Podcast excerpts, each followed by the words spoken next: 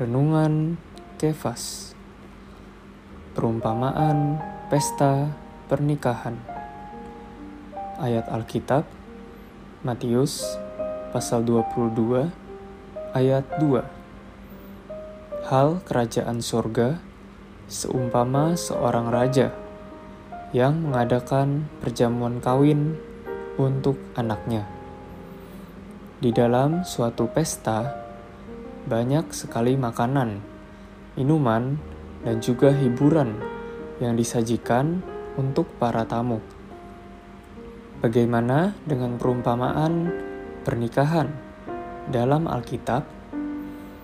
Di dalam Kitab Matius, kita dapat melihat bahwa dalam perumpamaan pernikahan tidak menuntut manusia untuk melakukan banyak hal.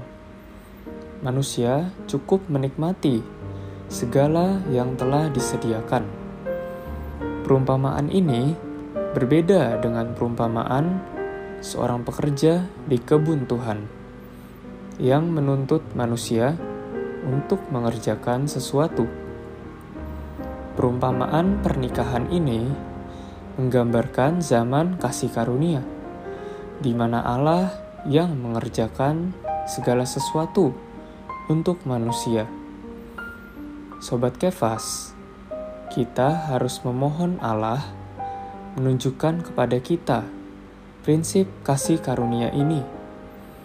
Dengan demikian, kita bisa melihat bahwa segala sesuatunya telah siap dan telah dipersiapkan oleh Allah.